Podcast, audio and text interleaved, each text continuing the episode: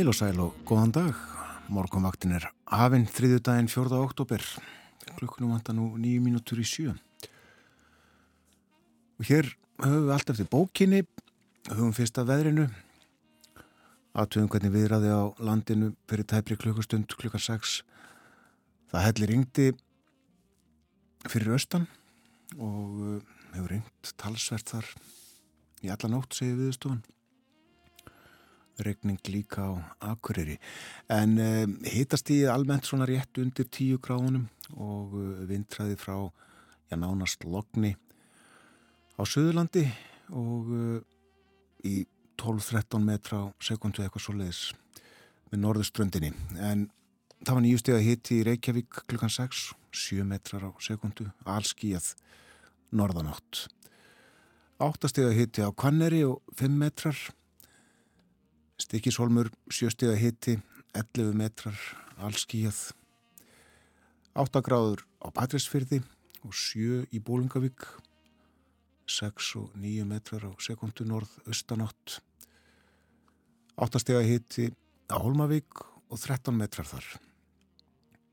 8 gráður á Blöndósi, 6 á Söðunisvita, 8 stega á Akureyri, þar ringdi, Sjöstega hitti bæði á Húsavík og á Rauvarhöfn, áttagráður á Skeltingstöðum og Egilstöðum, átt á tíu metrar á sekundu og regning eins og áður saði á Egilstöðum. Nýju steg að hitti á höfni Hortnafyrði, nýju gráður líka á Kvískerjum og nýju steg á Kirkjubæðaklaustri og þar logn, nánast logn 1 metri á sekundu. Áttagráður á Stórhöða í Vestmannegjum og 5 metrar. Og það er kvast á hálendinu 20 metrar á sekundu eitthvað svoleiðis. Og sprengisandi viður á tjónastöðinni við sandbúðir og bara þryggjast eða hitti. En í hugleðingum veðurfræðin segir að já, reynd hafi hressilega á östfjörðum í nótt, það er gul viðvörun í gildi og hún gildir fram eftir mótni en það var að draga úr úrkomunni nú fyrir hátegi og það spáir norðaustan 5-13 metrum á sekundi í dag og rigningu víða en á norðvestur hlutalandsins verður kvassara 13-18 metrar og talsverð úrkoma þar setnipartin og gular viðvarinir vegna úrkomu hafa verið gefnar út fyrir vestfyrði og norðurland vestra. Og þegar líður á daginn þá mun kólna á landinu öllu og úrkoman breytast í slittu eða jáfnvel snjókomu til fjalla norðvestan til og uh, viðvaranir viðvarunar orð um fjallvegi í kvöld uh, þau eru á þessa leið uh, um að gera hríð. Og þessar viðvaranir gilda fram eftir morgundegi. En á morgun þá lægir Vestalands en bætir í vind fyrir austan og útlitt fyrir all kvassa vestanátt þar setnipartin áfram ryggning fyrir norðan og slita eða snjó koma til fjalla. Já, þar eru lengri núna veðurspárnar og, og uh, hugleðingar veðurfræðings heldur en fyrir fánum dögum og vikum. Það er komið haust og þá er allra að það er von. Svo stittist í fyrsta vetradag tvær vikur rúmar í hann lögadaginn 20. annan oktober en uh, fjörði oktober í dag eins og áður sagði og ímislegt uh, á dagskar hjá okkur á morgunvaktinni. Artur Björgum Bollarsson verði með okkur Berlínar spjall eftir morgunfréttir. Hér verður líka Þórðusnar Júliusson rittstjóri Kjarnas, hann spjallar um efnahag og samfélag verður hér hálf átta. Og klukkan hálf nýju þá kemur í þáttinn Berglind Áskistóttir. Hún er fyrirverandi ráðunettistjóri og sendiherra og fleira. Hún ætlar að pjalla um nýjan mannauð á Íslandi. Við ætlum að tala um hvernig við tökum á móti fólki sem að sest hér að. Förum betur yfir það þá. Eftir ég geri nánari grein fyrir þessu. En... Við setjum lag á fónin Þrek og tár.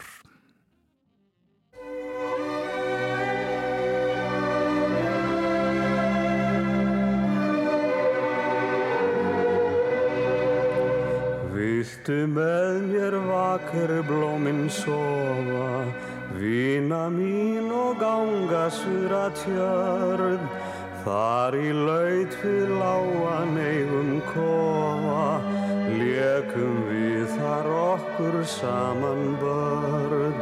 Þar við gættum fjárum fölvar nætur, fallegt var þar út við hólinn mín. Hvort er sem mér sínist að þú grætur, seg mér hví er dapur hugur þín.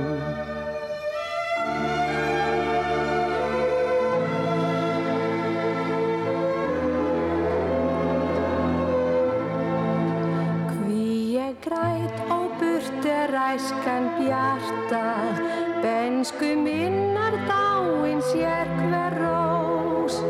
Það er sárt í sínu unga hjarta að sjá hvers lokna öllins gerstu ljós. Og hver fegin vild ég verða aftur, morsins barn og hérna leika mér. Nú er lama þröð mitt þrótum kraftur, þunga sorg á herðum mér ég ber.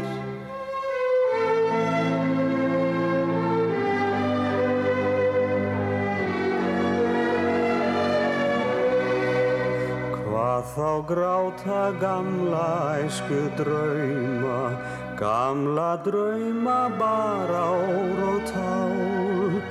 Láttu þrekki þrýfa stýrist hauma, það er hægt að kljúfa lífsins ál. Kemur ekki vor að liðnum vetri, vaknei nýja rósir sumar hvert. Voru hínar fyrri færi betri, feldei tár en glöð og hugrekk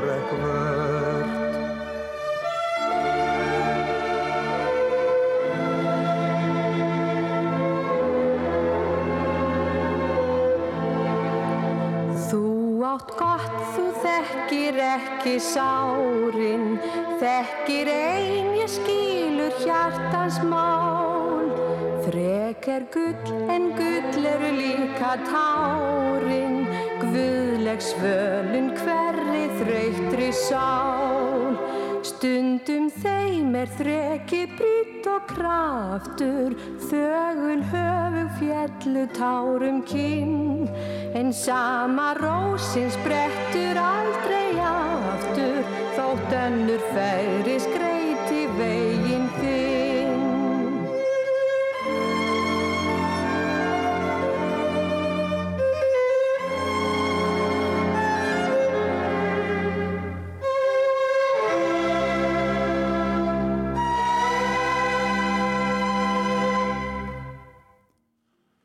Þrekk og tár, lægið Erlend, tekstan gerði Guðmundur Guðmundsson skólaskáld, Hauku Mortens og Erla Þorsteinsdóttir sungu, Erla lest fyrir rúnri viku.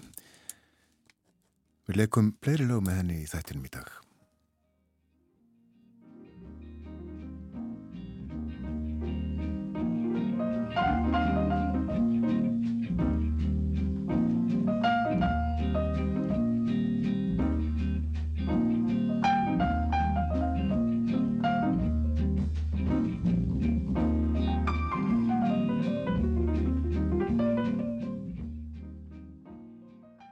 Bílskúrs og yðnaðarhurðir. Þú far bílskúrs og yðnaðarhurðir hjá Límtré Výrnett.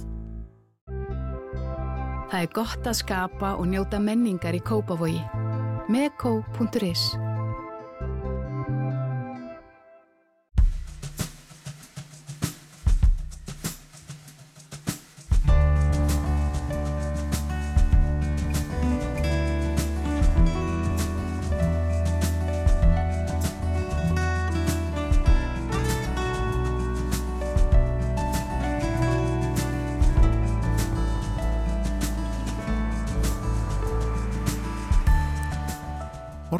Helsar og býðu góðan dag, það er þriðu dagur 4. oktober. Í spjallið um efnahag og samfélagi dag drefur Þórður Snar Júliusson víða niður fætti eigendur hlutabrifa í íslenskum almenningshlutafélugum eru með bökum hildar. Meira á að minna allt er niður, niður á við í íslensku kaupöllinni. Breski fósættisráþrann virðist ekki vita í hvort fótinn hún á að stíga í baráttunni við nignandi efnahag. Norðmenn hækka skatta á orkuframleðendur og fiskeldi og íslenskir lántekendur með óvertrið lán þurfa hugsanlega að borga talsvært meira af lánunum eftir tvö ár en útlitt var fyrir. Þorður snærverður hér upp úr halv átta. Um miljón flótamenn hafa leitað hælis í Þýskalandi á þessu ári, langflestir frá Úkrænu en líka fólk frá Sýrlandi, Afganistan og Pakistan. Þessi mikli fjöldi veldur þýskum stjórnveldum áhyggjum líkt og Artur Björgum Bodlason reykur í Berlinarspjalli. Og hann segir okkur líka frá kostningum til fylgistjórnarinnar í neðra Sakslandi um komandi helgi og hann fjallar um Gunther Valraf sem er mikilsvirtur rannsóknarbladamadur og riðtöfundur í Þýskalandi. Berlínar spjall á dagskraf eftir morgunfréttir. Og í þættinum í dag spyrjum við líka hvernig verður Ísland árið 2071 og það er ekki út í bláin þá verður hið Íslenska þjóðvinafélag 200 ára. En í tengslu við 150 ára ámali félagsins fekk það 6 manns til að fjalla um samfélagið eftir um halva öld og gera um það bjart síni spá og Berglind Áskestóttir fyrirverandi ráðunetistjóri og sendiherra horfi í sínu erindi til fjölbreyttu mannlífsflórunar í landinu og til þess að svo virði sem mannauður sé oftar en ekki bara fallett orð á bladi. Berglind verður hér klukkan hálf nýju. Umsjónamaðu morgumvaktarinnar á ráseitt í dag er Björn Þór Sigbjörnsson.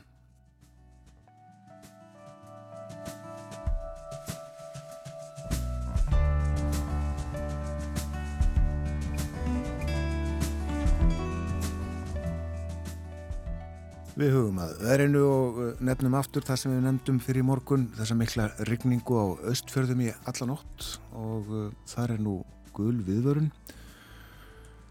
Má búast við vexti í ám og lækjum og það eru auknar líkur á skriðuföllum og grjótrunni. Og uh, gular viðvaranir taka gildi víðar á landinu í dag á vestfjörðum og ströndum og norðurlandi vestra talsverð rigning framanaf og uh, í kvöld svo mun, mun svo snjóa eða slitta á fjallugum. En spáin er svona, norðaustan 5-13 með morninum, 10-18 um landið vestanvert, rigning víða um land, hiti 4-10 stík. Talsverð úrkoma á vestfjörðum og norðurlandi síðdeis, slitta eða snjókoma á fjallugum á þeim slóðum í kvöld og það bætir í vind, kólnar víða. Og á morgun allkvöss vestlag átt um landið austanvert, lægir vestan til, ryggning á lálendi fyrir norðan en slittaða snjó koma til fjalla, annars að mestu þurft. Hitti þrjú til tíu stig, hlýjast suð austan til.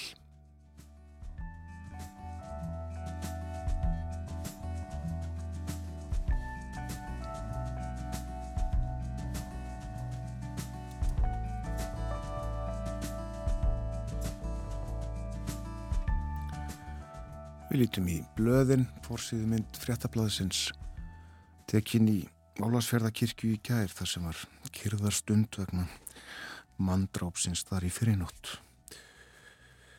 Samfélagið á Ólasferði sem aðeins telur á 800 íbúa slegið vegna málsins segir hér í myndateksta og uh, fjallastutlega um þetta í, lítilli frétt líka á fórsýðu blaðsins og svo er meira inn í blæðinu. En á fórsíðu er hér sagt frá nýðustuðum nýrar konunar sem að gerð var meðal hjúkunarfræðinga og segir í fyrirsögt 70% hjúkunarfræðinga hafa íhugað að hætta störfum. Álagi starfi og launakjör eru megin ástæða þess að mikill meiri hluti starfandi hjúkunarfræðinga hefur íhugað að hætta störfum á síðustu tveimur árum. Og það var félag íslenskra hjókunarfræðinga sem létt, kannad, létt gera þessa könnun. Hátti 2000 félagsmenn svöruðu. Og rætt hér við Guðbjörgu Pálsdóttur, formann félagsins, hún segir Það sem vekur aðtikli í þessari könnun er að yfir 60% segjast almennt ánaði starfi en samt hafa svo margir huglitt að láta gott heita. Fólki er hlýtt til fagsins en aðstæður eru að buga það, segir hún. Slökkvilismenn á fórsíðu morgunblaðsins og uh, sagt frá því að hjá slökkuliði höfuborgarsvæðisins hefur verið tekið upp nýtt vaktakerfi. Það byggist á þrískiptum vöktum á virkumdögum og tvískiptum um helgar og uh, með þessu hefur verið að koma til móts við styttingu vinnutíma sem að sami var um í síðustu kjærasamningum. Og fjalla nánaðum þetta inn í blæðinu og uh, líka um nýja skýslu húsnaðis og mannvirkjastofnunar sem að satt var frá í fréttunum í gær. En í henni kemur fram að um helmingu slökkviliðina í landinu uppfyllir ekki settar kröfur til að geta sendt reikköfun og slökkvistarfi innan hús ímist vegna búnaðar, þjálfunar, mentunar eða hæfni skilir það starfsmanna. Og uh, viðmælandi fréttastofu útarsins í sjónvarpinu í gær saði að uh, það verður mörg dæmi um það að uh, búnaður væri kannski orðin 50 ára bílar dælutnar í þeim. Og innveðar á þeirran uh, kvatti sveitafélög til þess að huga betur að þessum málum. Og sjáum hvað setur. Nú fjallaðum atbyrðin á Ólarsfyrði í fyrirnótt á fórsýðu morgunblassins en uh, þrjú eru í gesluvarhaldi og sagt frá því frettunum hér áðan. Tvær konur og einn karl. En svo eru efnaðaspálin til umfjöldunar á fórsíðu morgurblassins en uh, vaksta ákvörnadagur er á morgun. Og uh, segir hér viðmælendur morgunblaðsins á fjármálamarkaði telja að Sælabankin muni hækka vexti á morgun og yrði það þá nýjunda vakstahækunin í röð frá mæ 2021 og uh, viðmælendur blaðsins uh, svona ég mist á því að uh, hækunin verði 0,25 til 0,5% ekki saman hverju spurður en uh, allir búast við hækkun. Þetta voru blöðin útsýðunar segjum þetta gott að þeim í bili. En uh, Jóhanna Siguradóttir fyrirverandi alþingismadur og ráð þeirra á afmæli í dag hún er áttræð. Hún fættist í Reykjavík 4. oktober 1942 og hefur alið mannina mestu í höfuborginni síðan held ég að mér séu að segja Hún lög verslunarprófi frá verslunarskólanum 1960 og ég sá í blaði að við brauðskráningu þá hlaut hún sérstakka viðkenningu fyrir góðan árangur í velritun. Tvítug varð Jóhanna flugfreyja og þjónaði farþegum loftleiða í tæpan áratug og tók fljótlega þátt í félagsmálum, satt í stjórn flugfreyju félagsins 1966 til 69 og var formaður félagsins í tvö ár. Og 1966 þá skipaði Jóhanna fymta sæti á frambóðslista Altíðuflokksins fyrir borgastjórnarkostningarnar í Reykjavík. Það var fjallaðum listan og fólkið sem hann skipaði í leiðara í Altíðublaðinu. Og um Jóhannu var skrifað Fymta sætið skipar ung og myndarleg kona, Jóhanna Siguradóttir Flugfræja. Hún hefur, þótt ung sé, haft náinn kynni af baráttu Altíðuflokksins og var nýlega kjörinn formaður Flugfræju félagsins fegursta verkaliðsfélags í landinu. En Jóhanna átt ekki langt að sækja áhugan á stjórn og félagsmálum. Fadir hennar Sigurður Egil Ingemyndarsson satt í 12 ára á þingi fyrir alþýðuflokkin og amma hennar Jóhanna Egilstóttir var málsvari verkaliðsins á sinni tíð og einnig var að þingmaður. En árið 1968 spurði tíminn nokkra landsmenn út í stöðu kvenna á Íslandi. Fyrirsögn um fjöllunarinnar var hvers vegna nota konur ekki réttindi sín og í engangi sagði að ára týjir væru liðnir síðan konum voru veitt flest almenn réttindi til japsvi karlmenn. Hafa þær fagna sigri í réttindabaráttu sinni með því að nota hæfileika sína og starfskrafta landi og þjóð til góðs, spurði tíminn. og svaraði því sjálfur til að þær notuði fengin réttindi fyrðulega lítið og sem dæmið var nefnt að ein kona ætti sæti á alþengi, þetta var, já, 1968. En meðal viðmælenda og svarenda var uh, Jóhanna Siguradóttir, flugfræða, og hún sagði þessi spurning á vissulega rétt á sér, en ég held að það sé erfitt að svara henni í stuttumáli, þó að konur hafi nú að flestuleiti lagalegt jafnrétti við karlmenn, þá er það enn á ímsanhátt meira í orði en á borði og vantar töluvert á að þær hafi fullt jafnrétti í framkvæmt. En er það til dæmis ríkt í hugum manna að karlmenn eigi og þurfi að hafa herra kaup og betri stöður og kemur þetta glögglega fram við stöðu og embættaveitingar. Ástæður fyrir þessu eru vafalust margar en svo þýðingamesta er sjálfsagt svo að það tekur langan tíma, jafnvel eina til tvær kynnslóður að breyta aldagönnum vennjum og hugsunarhætti. Til skamstíma var það óalgengt að konur stunduðu framhaldsnám en nú eru það í mikilli sókn hvað þetta snertir og hefur það sínt sig að það standa karlmennum vissulega jafnvætist til náms og ekki sem meira sagt. Þetta hlýtu smátt og smátt að leiða til þess að það taki meiri þátt í störfum og stjórnsíslu á ymsum sviðum þjóðlífsins til utnum líkur. Og ég er ekki vissum að þarna árið 1968 hafi mörgum dottið í huga þessi sama Jóhanna Siguróttir flugfræja ætti eftir að verða fósætisráð þeirra landsins og það er einhverjar erfiðustu aðstæður sem að íslenskir stjórnmálamenn hafa glýmt við. En 1969 stóðu flugfræjur í kjærabaráttu og var Jóhanna þá í fóristu flugfræju félagsins helsta baráttumálið auk launa var að vaktatími flugfræja er þess á sami og annara í áhöfnum flugvila og verkvall var yfirvofandi og til þess kom raunar en það hafði ekki áhrif á flug því að samningar tókust í tæka tíð. En 1971 hætti Jóhanna að fljúa og reyðist til starfa á skrifstofu Kassagerðar Reykjavíkur og 1976 var hún kjörin í stjórn Vestlunumannafélags Reykjavíkur og það var svo hösti 1977 sem hún fyrst reyndi fyrir sér í stjórnmálum frá er talið femtasætið í borgarstjórnarkostningunum 1966. Jóhanna tók þátt í prófkjöri alþýðuflokksins fyrir alþingiskostningarnar 1978 og sóttist eftir þriðja sæti. Í viðtali við dagblæðið þá sagðist hún gera sér vonir um stuðning frá konum og sagði að eins 5% þingmanna eru konur því verðum við að breyta. Og helstu áherslumáluninnar verðbólgan er að mínum að viti langstæsta vandamáli sem við eigum við að glíma og það verður að taka á því á raunsæjan hátt. Eins eru málefni aldraðra í miklum lamasessi. Lífverðisjóðir eru ekki verðtriðir nema litlu leiti skattamálin eru eins og allir vita. Og að ég tala nú ekki um málefni útivinnandi húsmaðra Það er af nógu að taka, saði Jóhanna. Og við skennst frá því að segja að frambóðið hennar var tekið fagnandi. Hún hlaut yfirbörðarkostningu í þrýðasætið og undan henni á listanum voru Benedikt Gröndal, formaður alltíðflokksins og Vilmundur Gilvason.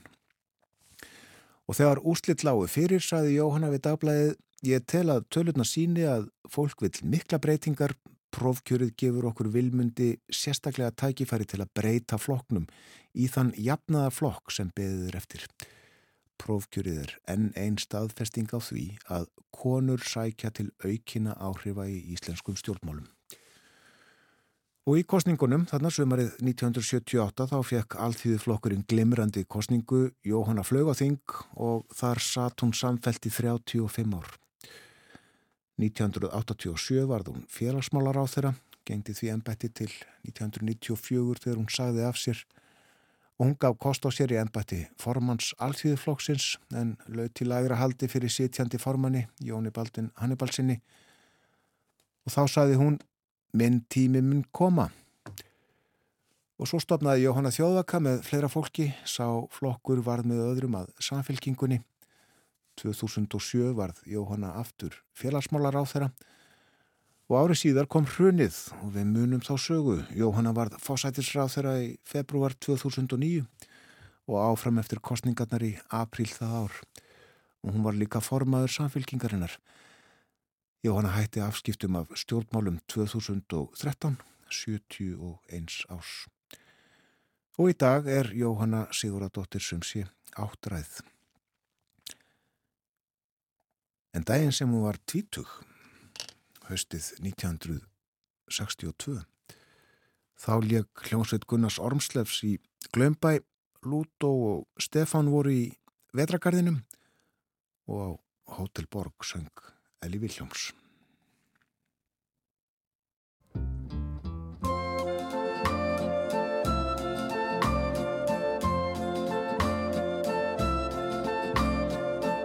Já, ástminn er alveg hreint óbívanleg Ég fylgi þér um eilífðar veg. Ég er svo ósköp skotin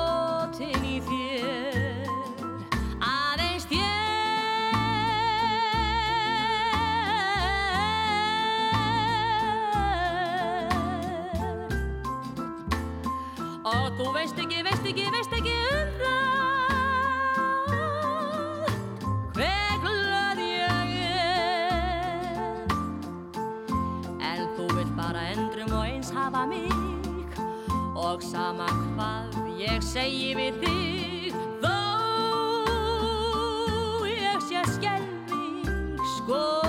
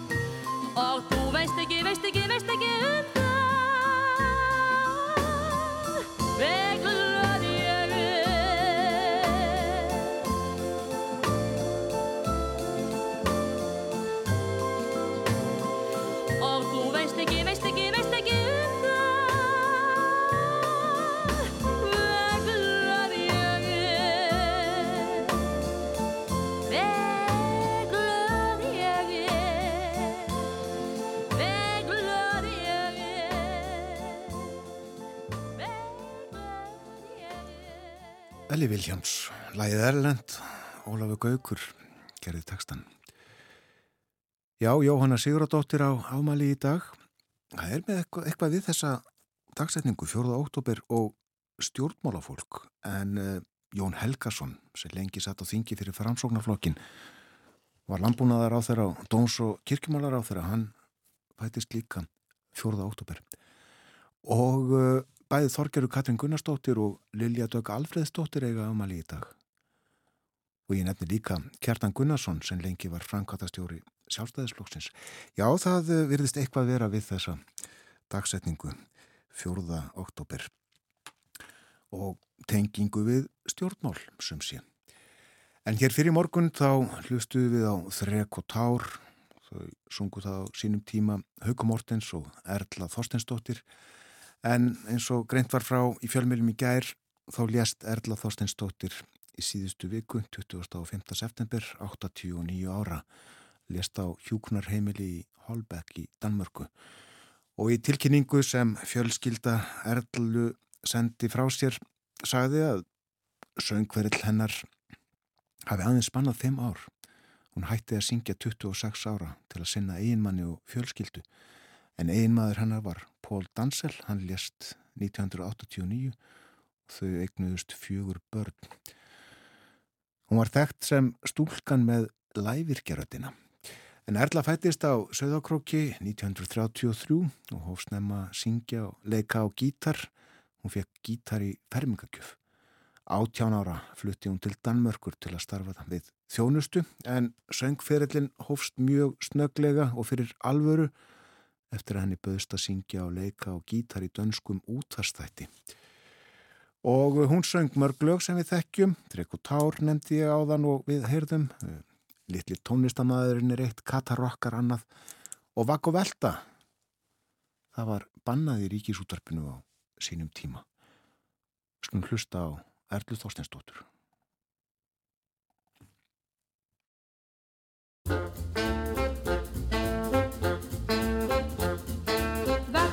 Veltum vilt og dátt Veltum á spriklum dag og nátt. Vakk á velta frá vakku að gröfi Stefna lífsins náða gjöf Það vakkar flest. Í veröld hér Velti skjótt er út af ber Vakka ég og veltist sem aðrir Velti skjótt er út af ber Hann afi minn fór á honum rauð Afi minn fór á honum rauð. Klárin Jós og Karl baki Afi minn fór á honum rauð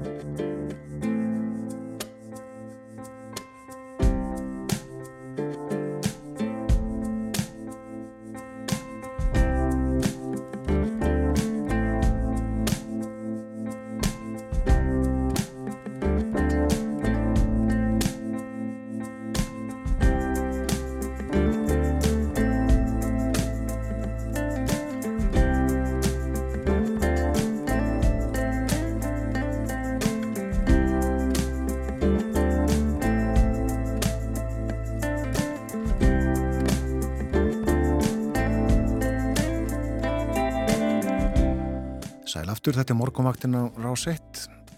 Umsjónum aðeins þáttarins Björn Þór Sigbjörnsson. Það er þriðu dagur í dag, komin fjórði óttobur, klukka núna réttliðlega halv átta. Já, það ringdi talsvert fyrir austan í nótt og mun áfram rigna í dag fyrir austan og víða um land. Spáin er svona norðaustan 5 til 13 með morninum en 10 til 18 um landið vestanvert. Rigning víða hiti 4 til 10 stíg, talsverð úrkoma á vestfjörðum og norðvesturlandi síteðis og slitta eða snjókoma á fjallugum á þeim slóðum í kvöld og það bætir í vind og mun kólna við það. Svona eru horfurnar. Ég minni á að Artur Björgum Bodlason verður með okkur eftir fréttinnar klukkan 8 Berlínar spjall á sínum stað á þrýðudegi og svo verður hér klukkan hálf nýju Berglind Áskistóttir fyrirverandi ráðunettistjóri hún er líka fyrirverandi framkvæmtastjóri Norðlandaráðs Hún var sendiherra og aðstóðafástjóri efnahags og framfarastofnarinnar OECD. Já, hún verði þér klukkan hálf nýju og uh, við ætlum að tala um nýjan mannauð. Alltaf þá þekkingu og reynslu sem fólk býr að sem að flist hinga til hans og sest hér að en fær ekki notið sín. En þannig er að hún helt erindi um efnið fyrir fánum dögum. Hún var uh, beðin um að búið til spá, gera spá, bjart sínis spá fyrir árið 2071. Það var hefði Íslenska þjóðinafélag sem að fekk hann til þess og fleira fólk og uh, hún hugsaði og fjallaði um fólkið, fólkið sem kemur yngað og uh, hvernig við tökum á mótið því hvernig við getum staðið okkur betur miklu, miklu betur. Mannauður. Við nýtum hann ekki. En uh, nú er hér komin Þórðusnar Júliusson, rittstjóri Kjartnans og í hönd fer vikulegt spjall okkar um efnahag og samfélag og eins og ég nefndi í kynningu hér upp úr sjö að þá drepum við víða niður fæti í dag, við ætlum að tala eins um Bretland og Noreg, nefnum kannski Sælabankan og uh, peninga ákvöruna nefndina sem að uh, ákvör nýtt vakstastig á morgun. Snjóhengja kemur við sögu og bóla líka, en við ætlum að byrja á hlutabriðamarkanum Þóru Snær, góðan dag Er allt niður í kaupöldinni og hefur verið lengi? Stuttasvarið er já en svo skulum við bara kannski skilgreina lengi. Síðustu tvo mánuði hefur úrvarsvísitalan sem mælir seljanleika þeirra tíu félaga sem eru með mestan seljanleika hérna gengi breyfa þeirra tíu félag sem er mest að selleika hefur lækkað, hún lækkaði 5,5% í ágúst og 8,9% í síðasta mánuði. Á þessum tveimur mánuðum hefur hildar virði skráðra fyrirtækja lækkað um 254 miljardar króna og var 200, 2366 miljardar í lók síðustu viku. Uh, þar áður, tvo, tvo mánu undan hafði úrvarsístalan hækkað uh, ágætlega og en sko fyrstu fimm mánuðina lækkað umtalsvert. Þannig að þetta er svona upp og niður um, það sem var aðteglisvert með síðasta mánuð er það að það eru þau tíðindi að Ísland var formlega tekið inn á lista FTSE Russell yfir annarsflokks nýmarkaðsríki sem þýðir það í einföldu máli að það eru erlendir vísisjóður sem þurfa þá að fjárfesta inni á þessu markaði vegna þess að þeir fjárfesta hlutfall af uh, sínum fjárfestingum inni á, á, á mörguðum þessara nýmarkaðsríkja Já. og uh, það átti að vera liftistöng fyrir markaðin og, og, fá erlenda fjárfesta inn á markaðin en hafa nú ekki verið mjög sínilegir svo maður sé alveg heiðalega með það. Er flestir erlendu fjárfestarnir sem eru í, í, í kaupöllinni hafa ja, komið, út, komið inn undir ekki kannski venjulegum aðstæðum. Við vorum einna með svona eftirreitur af uppgjörnum vegna bankarhundsins sem áttu það félugum sem voru skráð á markað og eins og til dæmis Arjónbanka og, og, og eru slíku sem á selt sig aðeins út og svo fjárfyrstaðin í Æslandir sem eru svona sérhæfðir flugfélaga fjárfestar og annað slíkt, það er ekki drosalega mikið af erlendum fjárfestum og eftir að höftónu að lift 2017 svona áránum eftir þá voru þeir frekar að sér í burtu frá Íslandi en að koma hingað inn. Og svo geta menn velt fyrir sér hvað það er sem gerir þetta. Ríka uh, orkustöðuga hálaunaða velferðar þjóðfélag svona lítið eftirsóknavert sem fjárfestingatækifæri fyrir aðra en þá sem að kaupa hérna innviði. Mm -hmm.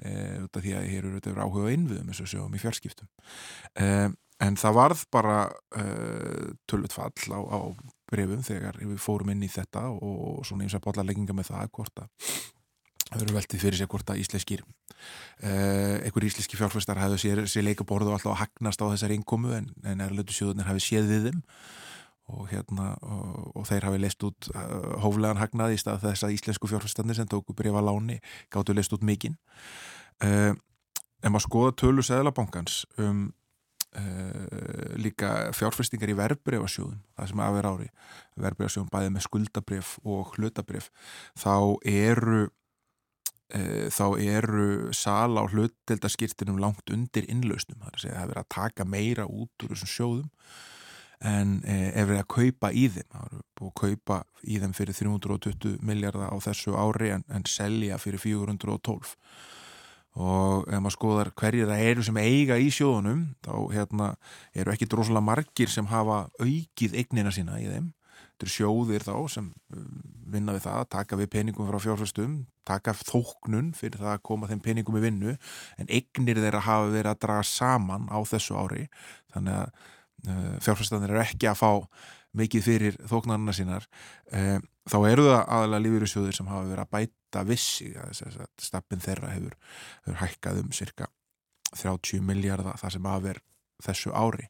Eh, á meðan til dæmis heimilin einstaklingar hafa verið að draga saman sína eign í svona 21 miljard það sem aðver ári Já Já, uh, virðið þessara tíu félaga sem þú nefndir áðan, uh, 250 miljardum krónar minni í dag heldur en var fyrir svo litlu síðan. Það er ekki þetta að segja, er það hvað er rétt verð fyrir hlutabrið?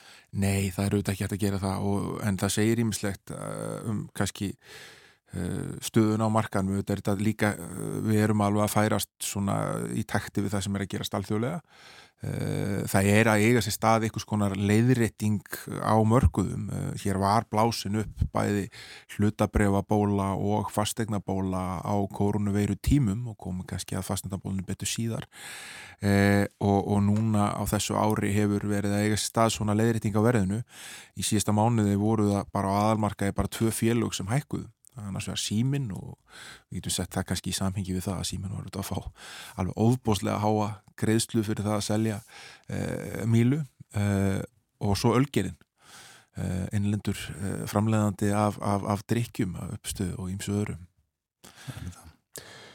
Já, ég sagði hér áðan að, að eh, við ætluðum að tala um snjóhengju. Við munum þetta að þetta var eh, nota talsveit fyrir nokkrum árum og það kom nú ekki til að góðu. Þetta er ekki ekki svona, ég lýsir ekki einhverju góðu orðið ber það með sér hvaða snjóhengja er yfir okkur núna? Ja, nú er þetta orð uh, notað í hérna samhengi við uh, íbúðalán og uh, það er að segja þetta var notað af efnaðsrákjafa samtak aðunlýsis í samhengi við töflu sem byrtist um, í peningamálum, í, nei fyrir ekki við fjármálstöðuleika í síðustu viku það sem hérna var verið að, að sína að uh, það eru uh, 340 miljardar króna sem eru sagt, íbúðalán í, á föstum vöxtum sem koma til endurskoðunar eitthvað tíman á næstu árum. Og, og uh, þetta er sett í samíkis við snjóhengju sem getur þá fallið rætt og valdi skada uh, vegna þess að e, þá kemur svona rosalegt högg á rástöðunatekjur þeirra sem eru búin að festa vextina en vextir hafa síðan eða hækkað alveg greiðarlega mikið og þeir munu fá það svona í andlitið á, á þeim tíma. E, svo má horfa á þessa snjóhengju frá öðrum öðru sjónarhóðni og segja kannski að það sé önnur og ennstæri snjóhengja sem sé þegar doldið fallin. Það eru hérna 750 eh, miljardar af lánum sem eru með mánalega vakstarendu sko, það er segja breytilegum vöxtum, miklu hærri upphæð. Það eru uh, hópar sem eru búin að taka á sig alveg gríðarlega auknar byrðar í, í greiðslu af húsnaði á skömmum tíma og hækka um 50% cirka á síðastlunum mánuðum greiðslubyrri þeirra aðila sem eru með svona hefbundin lán á, á, á breytilegum vöxtum, overtröfum vöxtum. Uh, þannig að hérna það má alveg færa rauk fyrir því ef við ætlum að halda okkur við þessa snjóhengju líkingu að, að, að hér séu tvær snjóhengjur ennur eh, minni 340 miljardar sem hérna svona mun hægt og rólega falla yfir okkur á næstu fjórum-fimm árum og svo önnu starri 750 miljardar sem er að ykkur leiti eh, þegar byrjuðu að rinja yfir okkur. Er það óhjákvæmilegt að svona lántaka, lántaka til fastegna kaupa til þess að eignast heimili, húsnaði að það sé bara eitthvað lotto?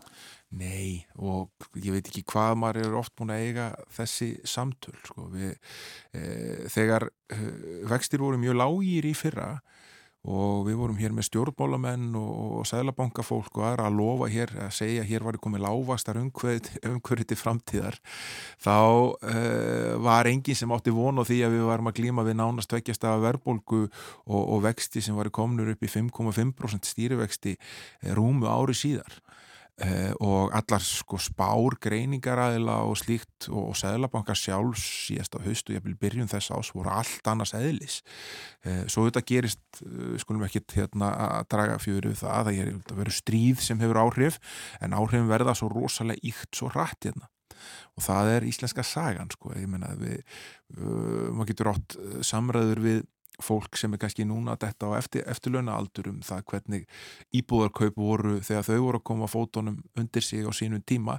Og það segja allir sömu söguna, þetta er lotto, þú getur verið heppin þú getur komið inn á réttum tíma og tekið út miklar hækkanir og, og hérna svona einhvern veginn uh, bara óvart komið undir fótunum, það er sjálfnast að það er einhver svona djúpur djúpvitrun sem orsakar þetta eða þú getur verið mjög óheppin mm. og, hérna, og farið inn á kolvillusum tíma, rétt fyrir bankarhun og, hérna, og upplifa verleikun og svo núna, svo við hérna notum uh, þetta samtal til þess að færa okkur yfir í næsta umfjöllunarefni uh, lend inn í því að kaupa Uh, húsnaði á mjög háuverð og skuldsetja mjög mikið í svona á hápunkti fasteitnabólu vegna þess að núna er bara orðið skilgrinda það sem hefur átt sér stað hérna á Íslandi uh, er bóla. Uh, vegna þess að skilgrindingin á bólu er það að þá eru svona hvað ég segja það er einhver aðrir en undirlíkjandi þættir sem orsaka hækkun og núna er Sælabankin einfallega fann að segja að hér sé framundan einhvers konar leiðrétting á eh, verlagningu á húsnæði. Og hún getur byrst með tvennumhætti, hún getur byrst með því að uh, við munum sjá hækkanir vera mjög hægar yfir lengri tíma. Það er að segja húsnæðisverðum hækka minna en, en það gerir svona eðlilega yfir langa tíma eða einfalla að við getum farið að upplega lækkanir sem uh, við erum fann að sjá í ykkur löndum í kringum okkur. Og Eh, það auðvitað, svo við munum hvaða hérna kannski hvaða nistar uh, voru að kveikja helstu bálinn hérna eftir bankarhunni þá uh, já það er svona allan að mín greining á því þá það þegar fólk fann fyrir því að, að, hérna, að heimili er að vera í hættu. Það er að segja að það var komið með neikvægt eigi fyrir í húsnæðinu sínu vegna þess að verðið hefur lækkað en lánin hefur hækkað greiðlega mikið. Og það er staða sem getur komið upp hjá þeim sem eru verð til lán í svona ástandi sem við erum með núna Eh, og svo auðvitað kannski hinhópurinn sem er hérna, svona alveg miklu vandraðum með það að standa undir mikill í greiðslubyrði, að sí hækkandi greiðslubyrði sem hafa tekið over til lán.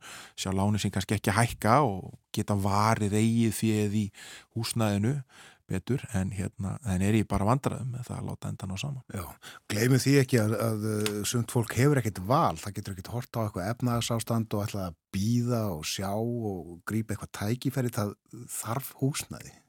Það er auðvitað mergur málsins. Er, hérna, og þetta er auðvitað líka, kemur alltaf upp í umræðunni að, að, að eh, hvernig á skilgreina húsnæði, á skilgreina húsnæði sem fjárfestingu eða á skilgreina húsnæði sem eitthvað skona mannréttindi uh, og við höfum nú svona oftast nær uh, allan í praxís uh, verið að skilgarina húsnæði sem fjárfestingu og margir sem eiga tölvöld magna húsnæði. Og, og hérna og, og svo þetta eru alls konar leigufélög og annað slíkt sem hérna sem eiga um að magna húsnæði. Svo ég tala mikið um fastna félög sem eiga um mikið magna atunhúsnæði þannig að hérna Eh, þetta er bara eh, svona eins og er að þetta er ákveðu lotteri. Já. Förum aðeins til Noregs. Eh, þar er uh, fórsvapnan fiskaldisfyrirtækja alveg brjálaðir. Já, um, sko, fyrsta lægi þetta þurfum að setja hlutinni kannski aðeins í samhengi á hann og koma í hvað þið gerðu. Normin eru þetta mjög rík þjóð og normenn hafa hérna og eru rík uh, uppustuð vegna auðlitanýtingu. Þeir eru að nýta ólíu og þeir eru gríðarlega uh, gríðarlega mikinn orkubúskap markháttan og er framleið orku og þeir sísla með orku, þeir eru með sæstringi sem selja inn á evróska orkukerfið og svo framvegs og svo að þetta hafa verið hansi stórtækir í uppbyggingu og eldi. Eh, þeir eiga þennan reysastóra óljusjóð sem er svona varasjóður og þeir nota ekki til þess að fjárfesta inn í, olju, inn, inn í hérna Noregi og, og hann er uppbyggður vegna þess þeir leggja alveg gríðarlega háa skatta á alla nýtingu á óljuöðlindinni uh, þetta eru já, hátt í 70% þegar allt er talið skattandi sem þeir leggja á, á þar. Og Uh, Noregur er alltaf rekin réttum með við nullið, það er að segja ríkisjóðurinn núna er hins vegar vegna þess að þeir reka orkubúskapin sinn innanlands á markasforsendum, það er að segja þáttagendur á honum, heimili og fyrirtæki borga markasverð fyrir orkuna sér að selja. Á orkuverður þetta rókið uppræðluvaldi, þá er norsk stjórnvöld að fara í það að neðugreiða eh, orkukostnað. Og vegna þessa þá lítur allt út fyrir að það veri halli á ríkisjóði og hvað gera þeir þegar að halli á ríkisjóði já þeir ákveða að setja 40% eh, viðbótt skatt á fiskeldi og uh, setja einhvers konar uh, auka kvalreika skatt á, á orkufyrirtekin sem eru að hagnast á þessu. Þannig eru þeir norsk stjórnvöld að breyðast við ekki eftir kannski 20 ára eh, nefndarsetu um það hvernig eigi að skatleikja nýtingu náttúröðlenda heldur bara einfallega tóku ákvörun um það hérna svona ætlum við að gera þetta og við ætlum að gera þetta hérna núna og til þess að, að stappa upp í gati sem er að myndast. Já.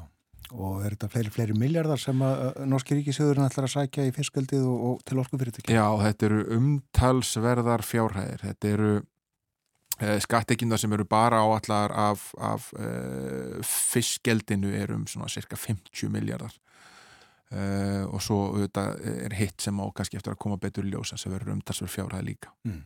Og uh, fiskgeldisfyrirtæki eða stöðvar á Íslandi sumar, ég vil margar í eigu norska fyrirtæki? Já og það var auðvitað mikið verfall á, á hlutabræðamarkaði þegar þetta var tilkynnt Eh, fjallum 20-30% sem þessara skráðu fiskildisfyrirtækja þetta eru auðvitað verið lengi í umræðinu um það að hérna, vegna þess að normen hafa verið ja, sagt, mjög skattaglaðir sérstaklega það kemur að, að nýtingu náttúrulega þetta hefur verið einhvern veginn svona svið sem hefur farið að doldi undir radarinn eldið þar og, og hérna, þess vegna vakti þetta miklu aðdegli og kom svona kannski doldi óvænt.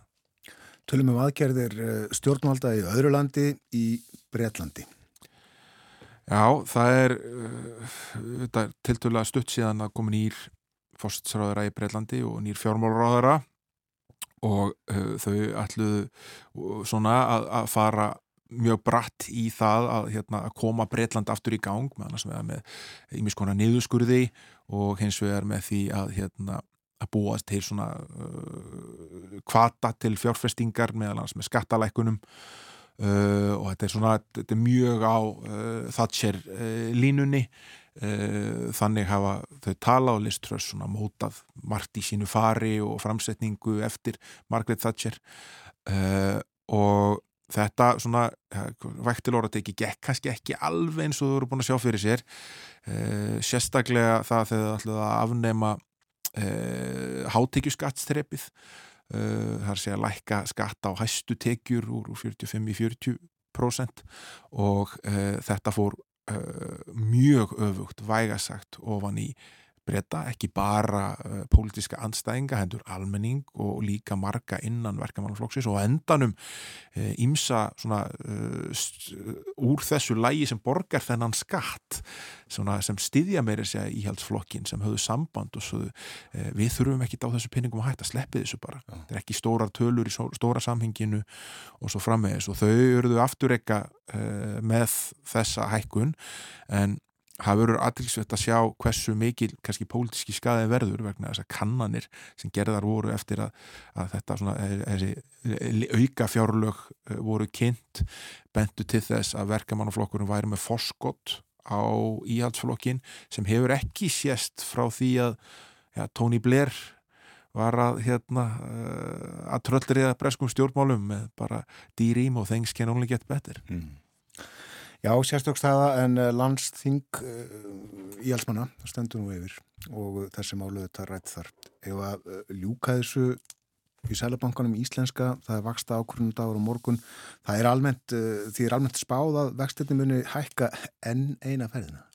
Já, það er ekki ósannlegt. Það er svona vonir bundnar við það að, hérna, að það veri farið kannski mildar í skref en það eru margir sem spá því að þetta verða minnstakosti 0,5% stig einhverju sem vonast til þess að þetta verði 0,25 um, og ástæðan auðvitað er svo að vextinnir eru ennþá læri verðbólgan.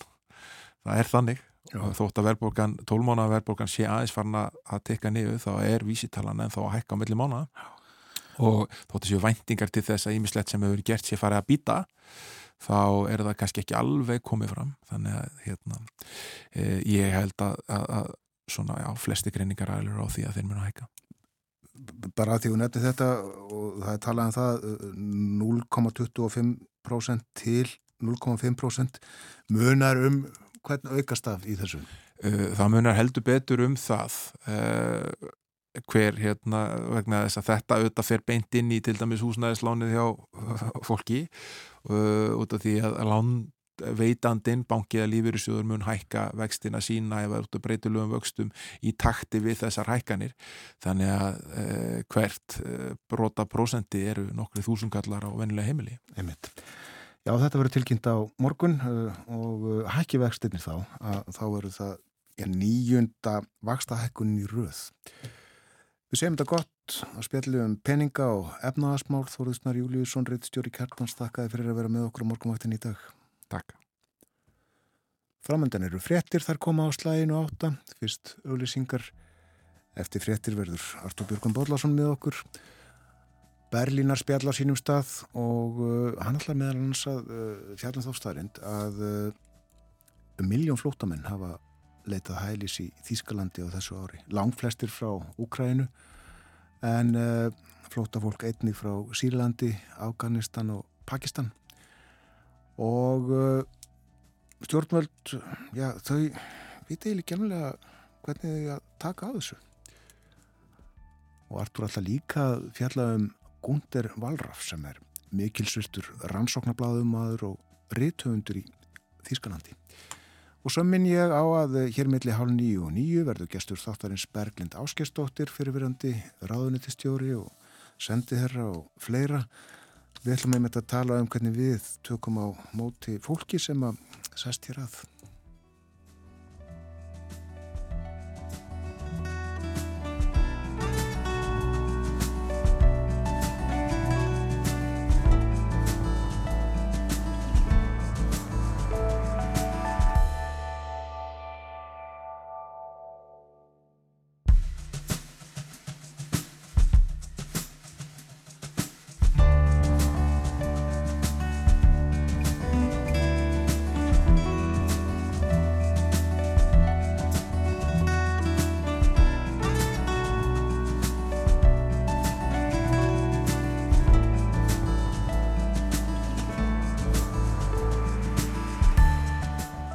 Aftur þegar það hlusta á morgunvaktina á rás 1.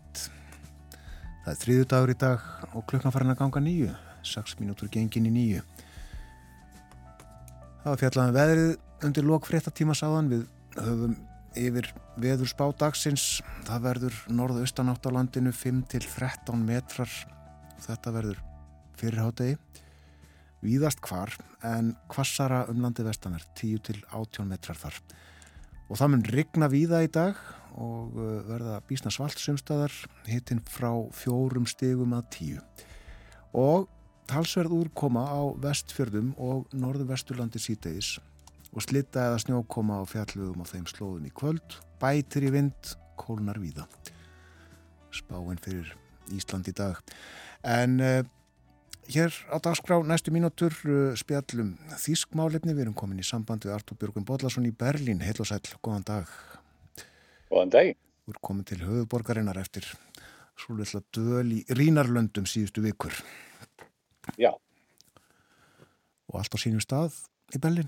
Já, ekki fæ ég annars hér og með þess að veðrið góða er á sínum stað líka hér.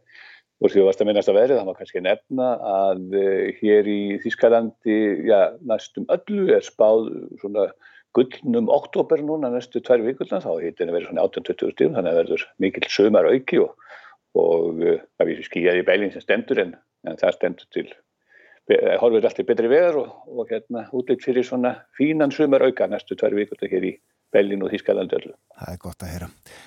Við ætlum að spjalla um ímyndlegt í dag. Eh, við ætlum eins og ég hef komið inn á hér í kynningum fyrir morgun meðal annars að fjalla um reythöfundin og rannsóknarblaðamannin Gunder Valraf á eftir. Eh, líka kostningar sem að framfara í einu fylgjana um helgina en við ætlum að byrja á þeirri staðrind að flótamönnum í Þýskalandi hefur fjölgað mjög mikið á þessu ári. Margir flótamenn komið eh, frá nokkrum löndum í heiminum til landsins þar sem að vera árinu.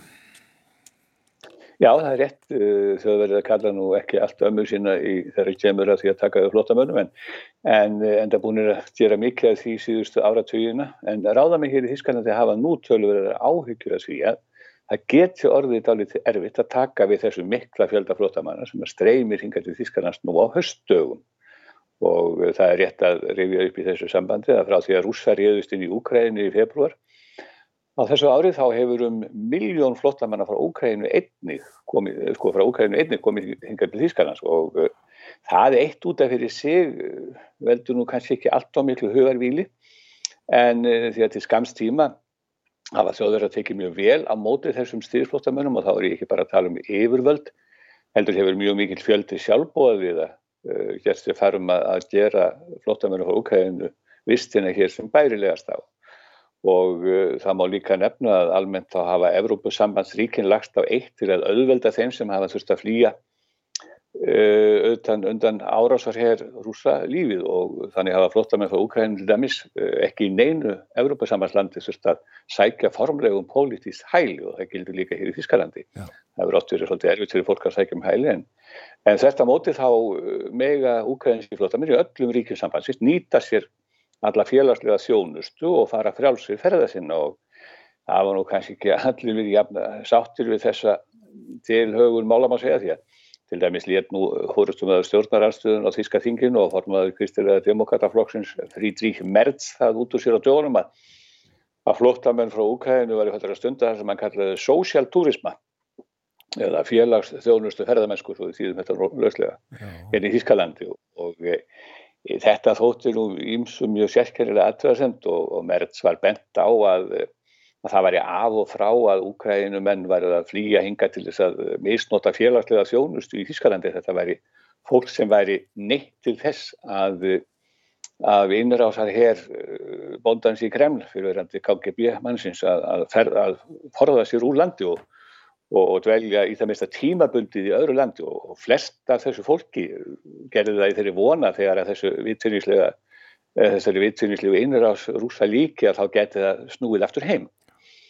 Þannig að Merz eh, var að, var að geta þessi orð aftur ofan í sig. Já. En eh, til viðbótar þessari miljón og það er kannski það sem er erfiðara viðbótar þessari miljón ukrainska flótamanna þá hafa líka komið hingað sífælt starri hópar hælisleitenda frá löndum eins og Sýrlandi, Pakistan og Afganistan og eftir því sem næst verið komist þá hafa komið um 115.000 manns frá þessum þreymur löndum frá áspyrjun og til loka ágústmánaðar uh, nýjustu tölur og, og þessir flottamenn valda stjórnvöldum miklu meira hugarvílið og þetta er reyfnilega stórun hluta fólk sem kemst á ólöglegan háttin í Evrópu uh, ekki síst eftir Balkanleiðinu svo kvölduðu og og töluverðarhópur kemur að jafna yfir landamær Pólans inn í Brandenburg, þetta er rétt hjá Bellin, það er ekki langt frá Bellin til Pólans, með hjálp svo kallara smiklara eða, eða, eða hérna, slausir eins og eru kallað sem að smikla fólki og, og uh, þetta fólk hingað í, í,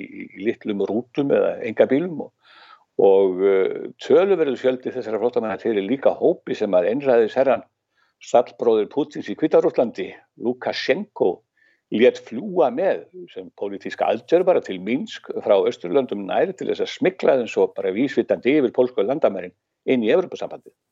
Þannig að eh, það eru þessir hópar sem að valda eh, töluverðum eh, hugarvíli hjá sískum stjórnvöldum og erfið er eiga við þá heldur nú kæðinsku flotta með. Og svo setjum við þetta í svolítið samhengi að, að þessi fjöldi að hans samsvarar um það byl íbúa fjöldar Reykjavíkuborgar.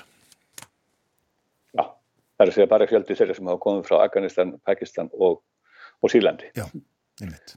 En ef við tökum úkæðinsku flótamanna þá samsæði þau hvað þrýsveisunum í íslensku sjóðinni eða eitthvað svona. Já, það er svolítið sko.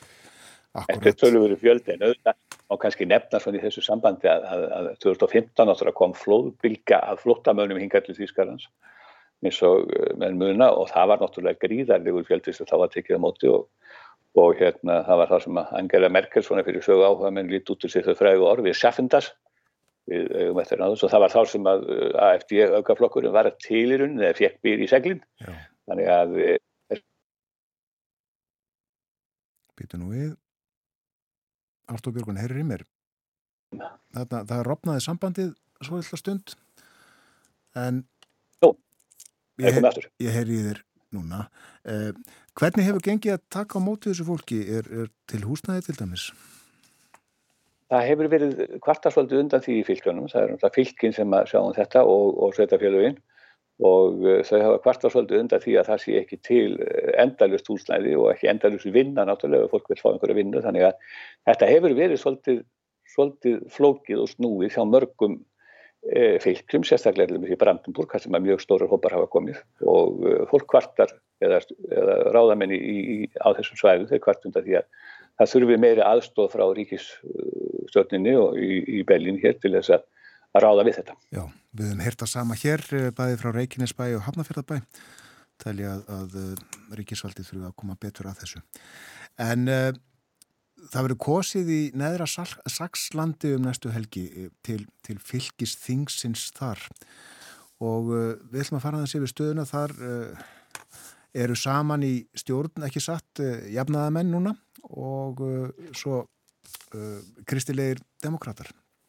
Jú, það er þessi stóra samstifu stjórn eins og hún héttir, hún var hér við líði í Berlín. Grósi koalitsjón eins og þau verður að kalla þetta og uh, hafa verið við völd eða þessi tveir flokkar hafa sama verið við völd síðustu fjögur árin og eins og nefnið þá eru kosuðu næstu helgi til uh, fylgisþingsins og það er alltaf svona ákveðin spenna sem fylgir uh, slíkum fylgiskostningum hér í Þískalandi og ekki síst þegar að fjölmennari fylginni í hlut og svona þegar fróðlis má nefna að Nýta Saxon eða Neðra Saxland er fjörða fjölmennarsta fylgi í Þískaland með rómlega 8 miljónur íbúa. Og þó að það gildu auðvitað um neðra Saxlands eins og önnur fylgi í Þískalandi að stjórnmálabaráttan í fylgjunu, fylgjunum snýsta tölu verið leitu um mál sem snerta atvinnulíf og mannlíf í fylgjunu sjálfu.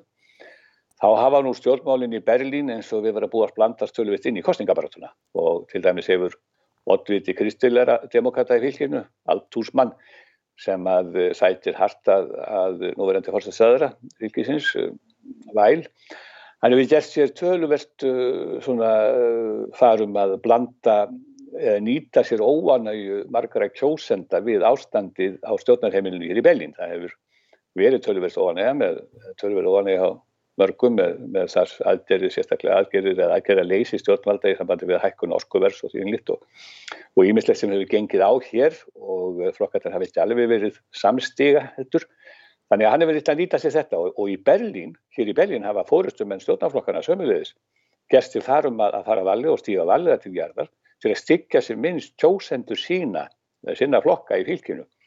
Og það er til þess að tók eftir því sko í málflutningi græninga þeir hafi verið mjög varkárir við að sko við að, hérna, að, að leggja til að, að kjartnorsku verinu verði haldið gangandi vegna þess að það er afskaplega uh, óvinsað aðgerð hjá hörðustu fylgjendum græninga. Þannig að menn segja meðal annars hefur Habeck farið varlega í þessum sökum vegna þess að hann er að taka til til þess það má ekki stikka fjósendur græningaflokksins í næra Saklandi en, en íðustu kannanir sína reyndar að bæði jafnaðmenn og græningar eru í tölverðinni svo Þannig að eh, sko, óskikja jafnaðamann sem Stefans Væl sem er fórsettisáður þarna að hann geti hægt samstarfi við kristilega demokrata og mynda stjórn með græningum, rauðgranna stjórn eins og það heitir, hún geti alveg orðið að veruleika. En aftur á móti svona viljist að vera almennt uh, vilji kjósenda að refsa frjálsundemokvötum, flokki Lindners fjármórar á þeirra sem hefur nú verið rekar uh, mikið gaggrindur Eh, því það er allt útlýsir að frjálskið demokrata dett út af þingin í Hannúfer eh, sem er höfuborg fylgisins og þeir voru nú með 5, skriðu inn með 5% síðast en þeir eru konir í skoðanakoninu í 2,25% þannig að það er útlýsir að þeir munu bara detta út af, út af uh, þinginu. Allra á móti er græningum spáð helmingi meira fylgi en í síðustu þingkostningunum í, í næra Saklandi fyrir rúmum fjórum árum og þess vegna verður mjög spennand að sjá hvað kemur út úr kjörkvæðsónum í neðra Sakslandi á, á sunnudag. Já, og þessi harða allaga fóristum hans kristilegra hefur ekki skilað sér í auknu fylgi? Nei, ekki að síðu verið. Það er, þetta er svona upplöp eru yfir þetta ekki fallin til vinsælda. Það er bara þannig að fólk vil hafa svona flekkar. Fólk vil að stjórnmálamenn og aðstur áða með þjóðarinnar eða aðstur eða fórustum menn stóra flokka eins og það hafi svona heimil á tungunni. Það er almennt til þess ætlast. Einmitt. Þá er það að lokum Gunder Valraf, rítöfundur og rannsóknarbladamadur. Það er ekki að tilnýrslausuð sem þú ætlar að segja okkur frá honum í dag?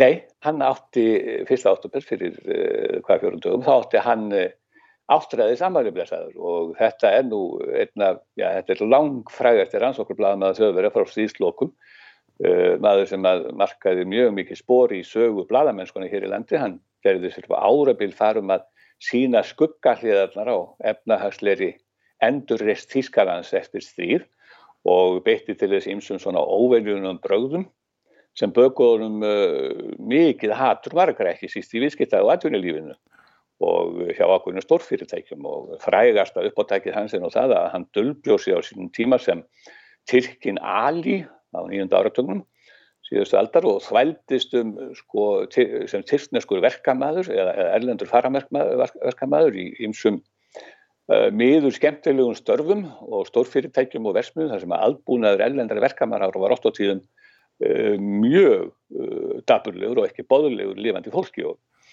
og um þetta rollkalda ævintýri sitt þá skrifaði Gunther Valraf bókina Gans unden sem kom út árið 1985 og og hún kom uh, bara árið eftir út á íslensku, þetta heitir nýðurlægingin í þýðingu sér að Gunnars Kristjánssonar. Og, og þessi fræga lífsreynslu saga var uh, já, og er sölu hægsta bók af þessu tægi frá árunni 1945 hér í Þískalandi og hún seldist í Þískalandi ein, einu yfir 5 miljónum intaka Já. og var þitt á um 40 tungumál þetta er bara svona, þetta eru biblíulega tölur og, og hafði gríðarlega áhrif og þar sem hann kannski má nefna hann er ekki að fara verðar hann fyrir hér en þetta horfi ég aðeins sérstaklega þessa bóka því að hún gerða náttúrulega mjög frægan og, og hefur skilið þetta í dúspor því að, því að hún hafði mikil áhrif þessi bók og hún, hún má segja leti beininni til þess að það var farið að huga betur að aðbúnaði ellenar verka, verkamanna hér í Þískalandi og í þýskum versmiðum og fyrirtækjum og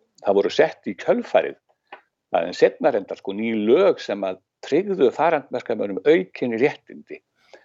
Uh, en auðvitað var svo bókin líka gaggrind eins og ekki var að skilja fyrir að fyrir að uh, sko Tyrki til dæmis gaggrindana það var, var hérna þýrstenskur rittöfundur sem gaggrindana fyrir að hún drægi upp mjög einlítið að mynda Tyrkjanum algi sem væri svona pass pro toto fyrir Tyrkina og, að og væri þannig að ala á ákveðnum fordómum í garð tyrkneska einflýtenda sem svona andlega takmarkuðum öllaborðum sko, og, og, hérna, og vafamóla en það er alveg, allavega mjög hreinu að það hefur eiginlega engin bók eða allavega nokkur bók í, í sögu Þískarans fór stríðslokum valdi jafn miklu samfélagsu umróti eins og þessi bók eftir Gundur Vallarfó. Nú sem sagt er þessi kempa orðin átt ræð. Já, Já niðurlægingi segir hér bókin og, og síndi þessar skuggarliðar eh, var fólk nánast bara í þrældómi í fyrirtækjunum á þessum uppgangsárum í Þískalandi Já, já, það voru fyrirtæki, ákveðin fyrirtæki og ákveðina versmiður þar sem að fólk bara, fólki var þræla svolítið út að það var ekki eh, venjulegt. Og fyrir utan það, það sem kom nú fram í bókinu og það var það sem mann var sérstaklega fyrir í þessu döðlegerfi sínu sem Tyrkina alveg, það var það að oft var hann beður um að taka að sér sko, svakalega erfið og hættuleg störf til dæmis að skrýða inn í einhverja sjóðheitar leðslu eða svona rör, sjóðheitur rör sem var bara lífshættulegt. Vegna þess að enginn þjóðveri tók það í mál og það var ekki hægt að bjóða þýskum verkamannum sem unnum með honum að gera slíkt og það var þetta sem kemur sérstaklega skipt fram í bókinni að það var sko þessum erlendu verkamannum var þrælað gríðarlega mikið út og þeir sátu ekki við sama borð og innfættir og það var það sem að það var þessi, hvað er maður að segja þetta, þessi kynþáttahlið sem að í rauninni sko eh, fórum nú mest fyrir brjóstuð á lesendum og vakti mista aðtikli og, og, eh, og svo auðvitað almennt aðbúnaðurinn á mörgum vinnustöðum sem var alveg skelvöld en það er náttúrulega ljóst að þegar að eins og margir hafa bent á að þegar að eh, svona stort land eins og Þískarland rýs upp úr öskustónni á tildurulega skömmun tíma eftir að verið í rúst í stríðslokk þá auðvitað fylgja þess því margfall erfiðleikar og ymsa skuggalíðar og, og það voru með þessa skuggalíðar sem hann var að draga fram og svo náttúrulega það að það var verið að sækja tyrkneska verkamenn hinga til þess að vinna störf sem að þjóðverðar vildu helst ekki vinna og uh, þarna hófst þessi mikla þessi miklu ströymur Tyrkja til Þýskalands og Tyrkneska hararumverska mann og, og hann benti sem sagt á að, að, að, að það var ekki farið eins vel með þá eins og með þjóðverðarna sjálfa og það þurfti að bæta úr því og þetta, þetta kostaðan, hann var í marga, mörg ára á eftir í málaferlum og vesinni út af þessu og, og hann sagði bara sjálfur líka frá því setna það hefði kostaðan mörg ára að ná sér eftir þá lífsreynslu sem hann var fyrir þennan tíma sem hann var í þessu var í þessu, þessum dölargerfi. Og Gunder kom til Íslands ekki satt?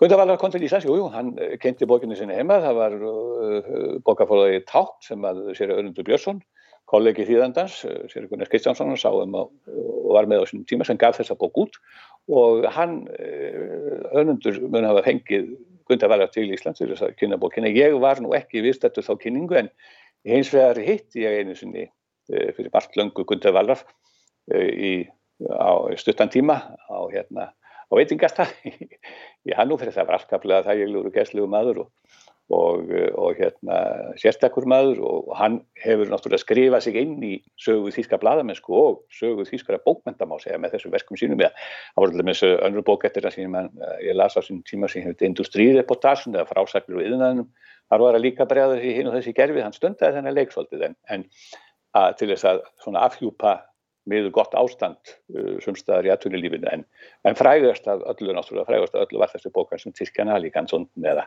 niðurleggingi. Já, Já uh, lögum og reglum breytt í kjölfarið, uh, þeir eru mikilvægir rannsóknarbladamennir.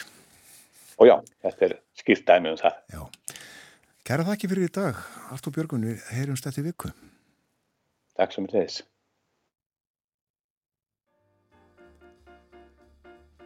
Berlin að spjalla á þriðdögum á morgunvöldinni. Spjöldluðum þarna um ímiðslegt uh, hér síðast múntur.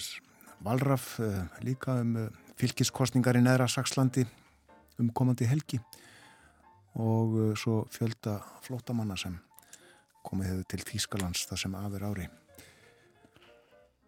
900.000 þar en byl frá Úkrænu en fjölmarki líka frá Sýrlandi, Afganistan og Pakistan. Eftir fréttaeflitið sem að kemur eftir stuttastund þá verður gestur morgunvaktarinnar Berglind Áskistóttir, fyrirverandi ráðunitistjóri og sendiherra og fyrirverandi frangatastjóri Norrlandaráðs og aðstóðar fórstjóri efnahags og framfarastofnarinnar og SIDM.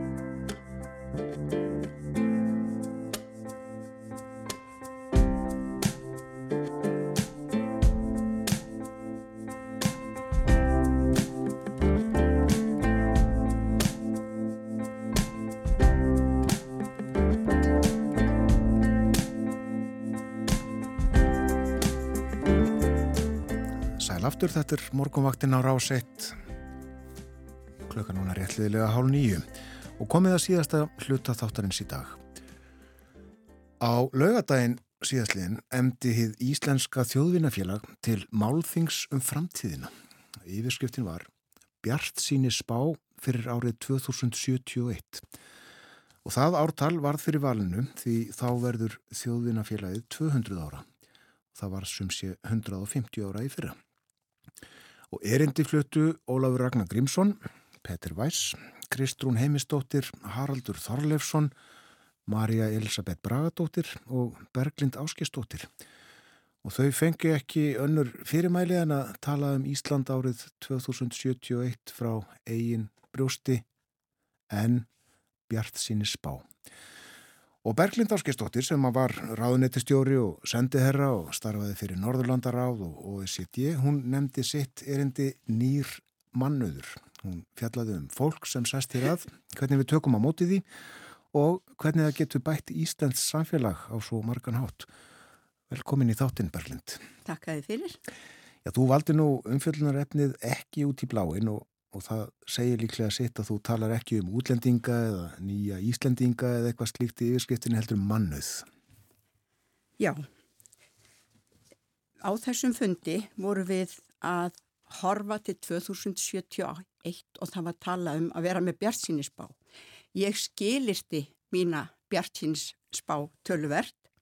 Ég byrjaði náttúrulega að segja að það er kannski að tiltöla litlu máli undir okkur sjálfum komið hvernig staðan verður á Íslandi. Það er aðstöðu þetta fyrst og fremst af ytri aðstæðum. Er friðvænlegt í heiminum, hvernig þróast umhverjismál, fer íbúa fjöldi jarðar yfir 10 miljardar, það voru bara 2,5 miljardur þegar ég fættist en það sem við gerum í dag hefur að gríðarlega langt í márhif og ég sagðist telja að þegar að kæma því sem við getum gert sjálf þá væri ekkert sem myndi hafa jafn mikil áhrif á það hvort við getum leift okkur að vera bjart sín uh, væri það hvernig við tækjum á móti fólki sem kæmi hingað í atvinnuskinni eða leitaði hér í var og uh, þetta byggir auðvitað á skoðun þinni á málunu, þú er uh, rannsakað efnið.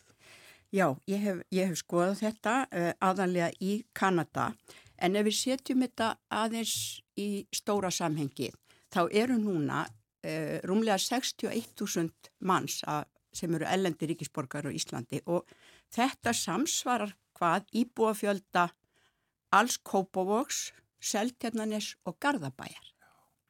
Þetta er fjöldin sem hefur komið hérna raunverulega á stuttum tíma. E, áður en að EES-samningurinn gekk í gildi þá voru þetta kannski nokkur hundur manns. Ég fætti Ólasvík, þegar ég fættist voru 600 íbúa þar en á hverju ári komum 200 færiðingar til að vinna en þetta voru reynir farandverkamenn. Stóra breytingin hér á okkur er það að mikil meiri hluti þeirra sem kemur hingað mun setja stað hvort sem þau hafa ákveð það í upphæfa eða ekki og ef að okkur vantaði staðfestingu á þessu þá komum nú heldur betur í ljós í vor í sveitarstjónarkostningum. E, þá máttu allir 18 ára og eldri kjósa sem höfðu búið hérna í þrjú ári eða lengur. Þá voru 32.000 atkvæði í bóði fyrir flokkana. Mm. En ég skal segja það, ég held bara flokkanir hafi ekkert átt að sjá þessu og því síður fólkið sem var öðlast kostningarétt. Þannig að það var meiri segja einn útskýring á léleri þáttingu sveitastjórnarkostningunum var þetta. Þú ert eiginlega að segja að meiri hluti alls þessa uh, fólks, uh, þessa mikla fjölda, 61.000 manns, uh, stendur utan við samfélagið sem slíkt? Sko, fólkið er afar lítið sínilegt. Það tekur ekki mikið þátt í félagsstörfum eða samfélagsumræð. Þetta er bara staðurreind. Og uh, þess vegna fagna ég alveg sérstaklega þegar ég heyrði fréttin í gærnum það að það eru komni hlaðvarpstættir á pólsku. Það sem er reynd að setja ellendu borgarna inn í það sem hvað er verið að gerast á Ísland. Það er ekki einsunni nóg að kunna íslensku ef þú sérð ekki hlutina í samhengi. En ég kallaði erendi nýr mannöður. Því það eru þetta stórkoslegt fyrir okkur að hafa fengið svo margt fólk hingað sem er að taka þátt í uppbyggingu landsins. En við tölum alltaf um fólkið, það tala um vinnuafl en þessir nýju íbúar eru svo miklu meira en vinnuafl. Þetta eru fólki sem mun verða nýjir Íslendingar. Og hvað eru við að gera til að gera fólki kleift að verða nýjir Íslendingar?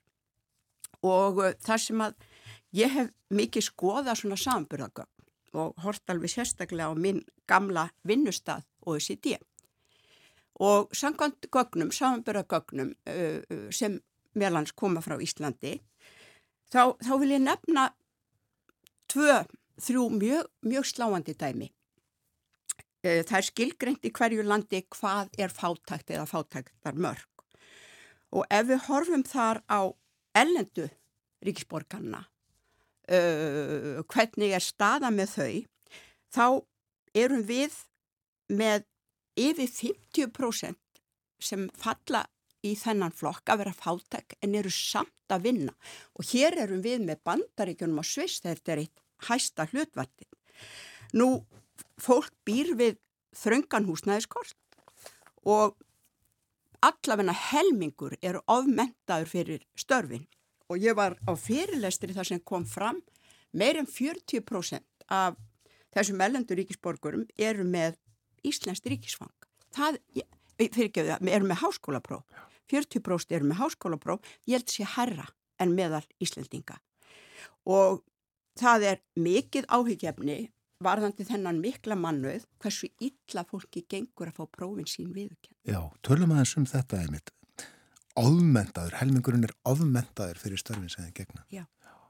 Og það þýðir einfallega að uh, fólk er með mentun, uh, ljómandi mentun úr ljómandi háskólum en fær ekki að vinna við það sem það lærði. Nei, og um, það sem kom fram í, í samtölum við, við um, all nokkra var það að fólk með góða mentun og góða færni í íslenski tungu er að sækja um störf sem krefjast, mikillar reynslu og mentunar, þau komast ekki í viðtöl vegna þessar nafni er ekki rétt.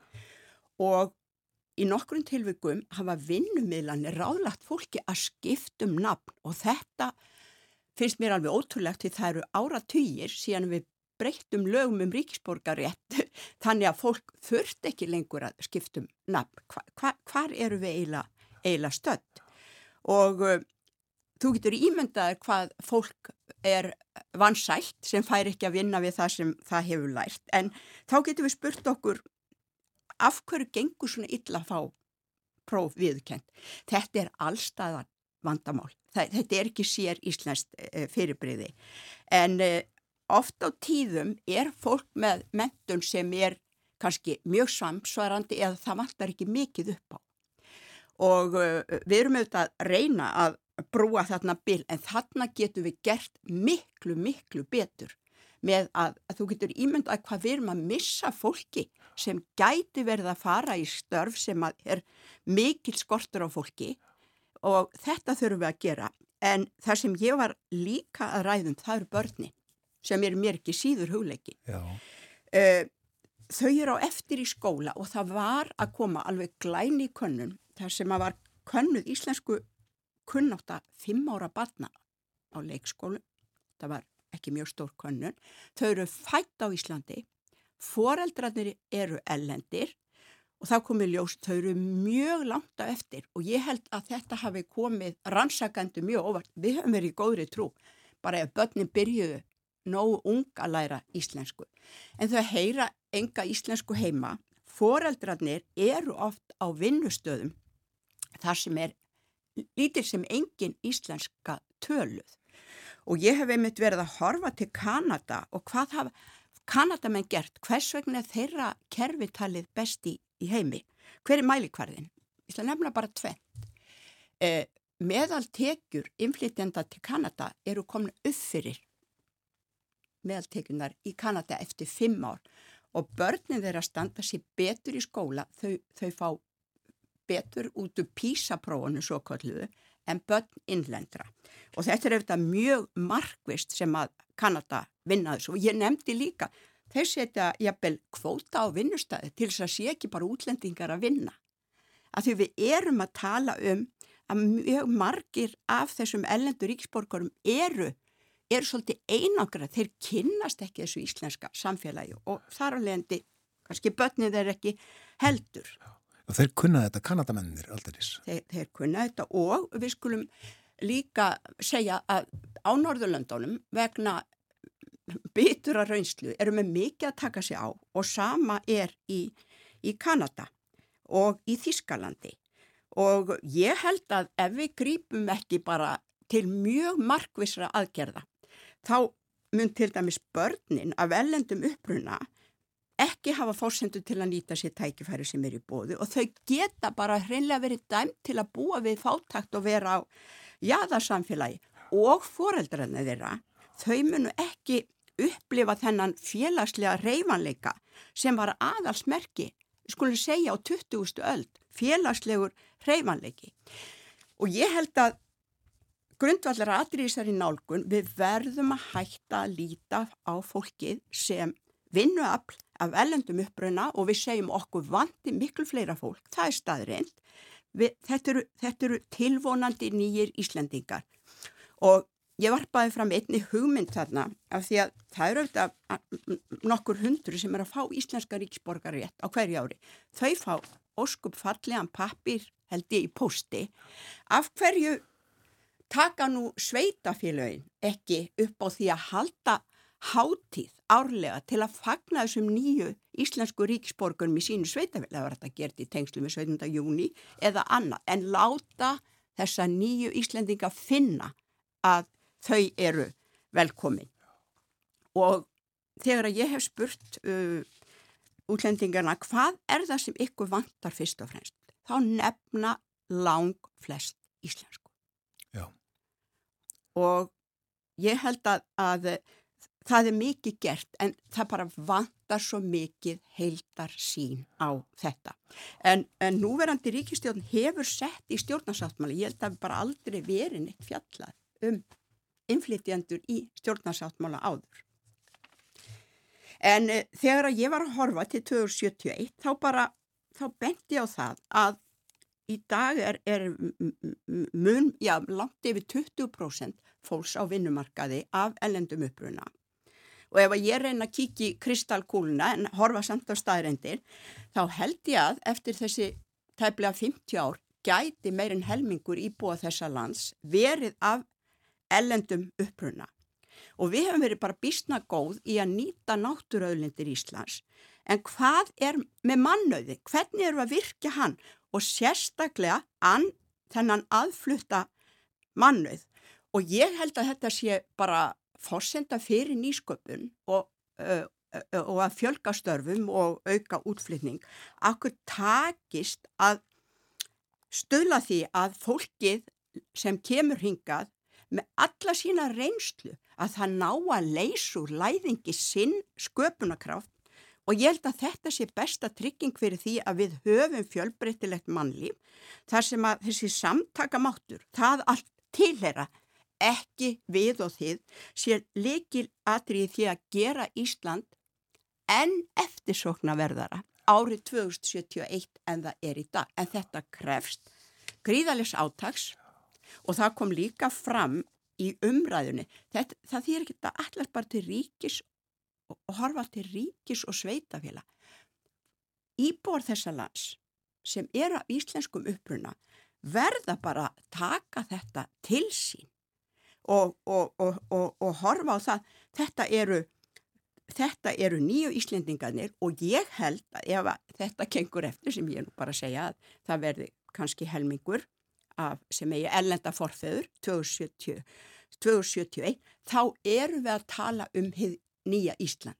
Það er ekki, þetta er ekki gamla Ísland, þetta breytist og þessi fjöldi er svona mikil í dag en það vantar mun meira fólk það er bara ekki, það er svo lítil fólksfjölgun og við verðum að setja okkur bara markmið í inflytjendamálum. Kanada er að alla sér að fjölga þjóðinni með inflytjendum og auka hagsælt og fá menningarlega og félagslega fjölbreytni. Hjá okkur er ekki markmið í lögum með að fá útlendinga til hansins ég held að við þurfum kannski að byrja á því. Það er samfélaginu til góða og uh, það stendur eiginlega ekkert í veginu með það berglind nema afstáðun.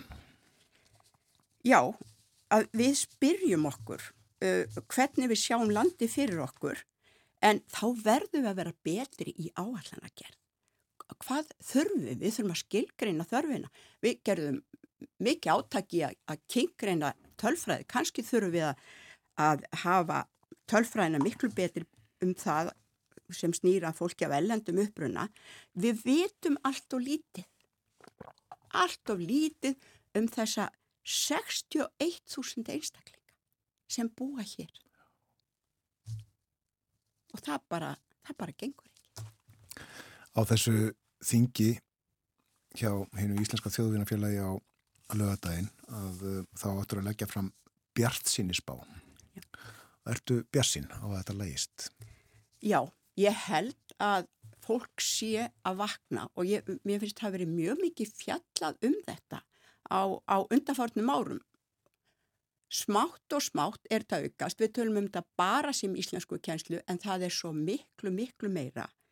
Og ég finn það bara þegar ég verði að ræða við fólk eftir að ég fór að, að svona einbytta mér að þessu að það er áhug, það er vilji, það er nú búið að skipa núna ráþæranemt um, um inflytjendur og flótamannamál, þannig að ég held að þessi vakna, en þetta verður að málta ansi sterkum litum til að vekja upp fólk.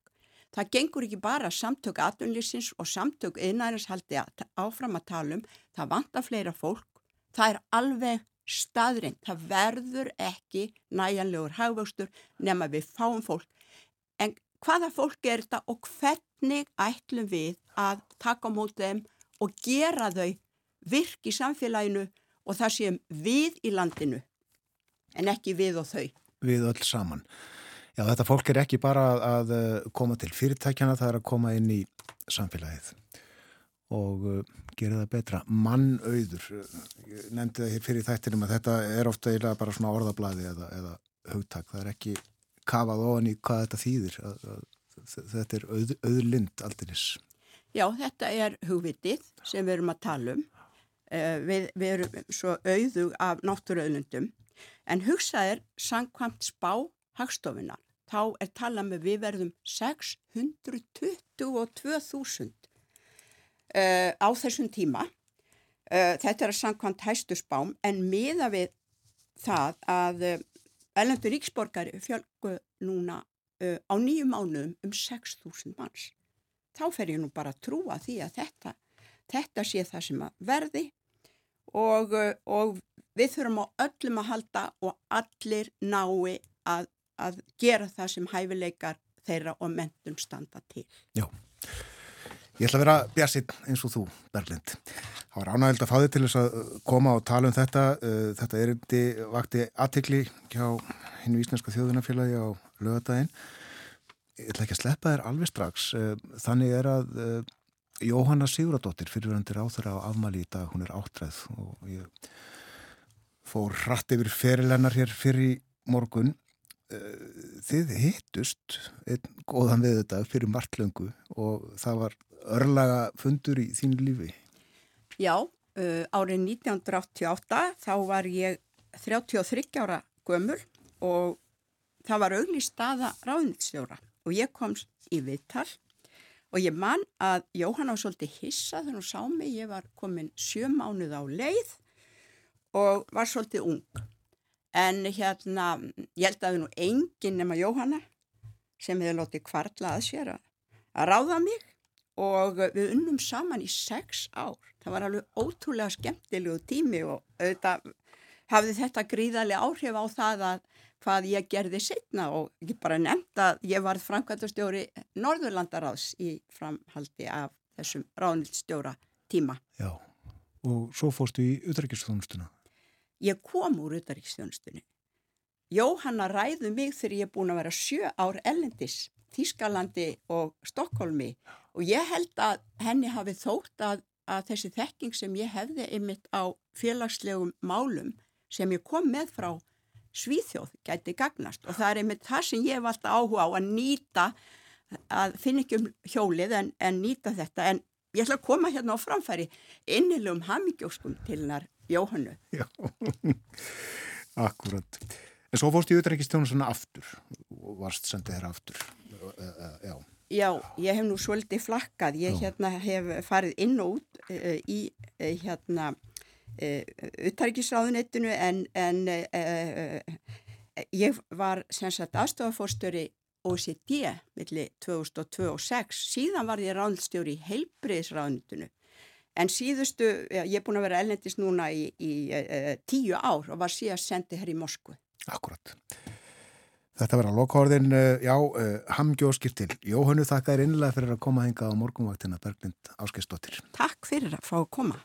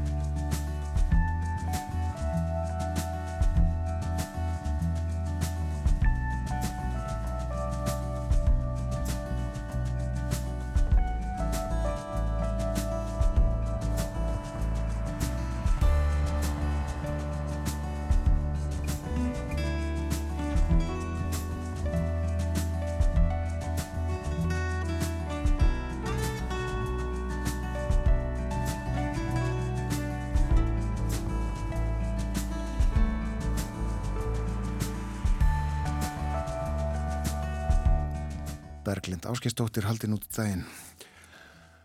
Það líður að loka morgumvaktarinn er í dag. Ég ætla að hafa yfir uh, veðurhorfur dagsins fyrir fólk sem var að vakna. Uh, verður svolítið kvast í dag, uh, norðaustanátt 5 til 13 núna með mótninum en kvassaraðan landið vestanvert 10 til 18 metrar þar og rigning víða um land og hittinn 4 til 10 stig. Og síðdeis talsverð úrkoma á vestfjörðum og norðvesturlandi, slitta eða snjókoma og fjallvögum á þeim slóðum í kvöld og þá hvessir enn og kólnar víða. Þetta eru horfurnar fyrir daginn en uh, ég held svo að þeia að uh, hlína eitthvað einhver staðar þegar líður á vikuna en uh, við skoðum það betur setna. Morgunvaktin er lokið. Við þakka samfélgina frá því snemma í morgun. Þátturinn verður á sínustadi fyrramáli. Við bjóðum, góðan dag þegar klukkuna vantar tímintur í sjö. Njóti dagsins.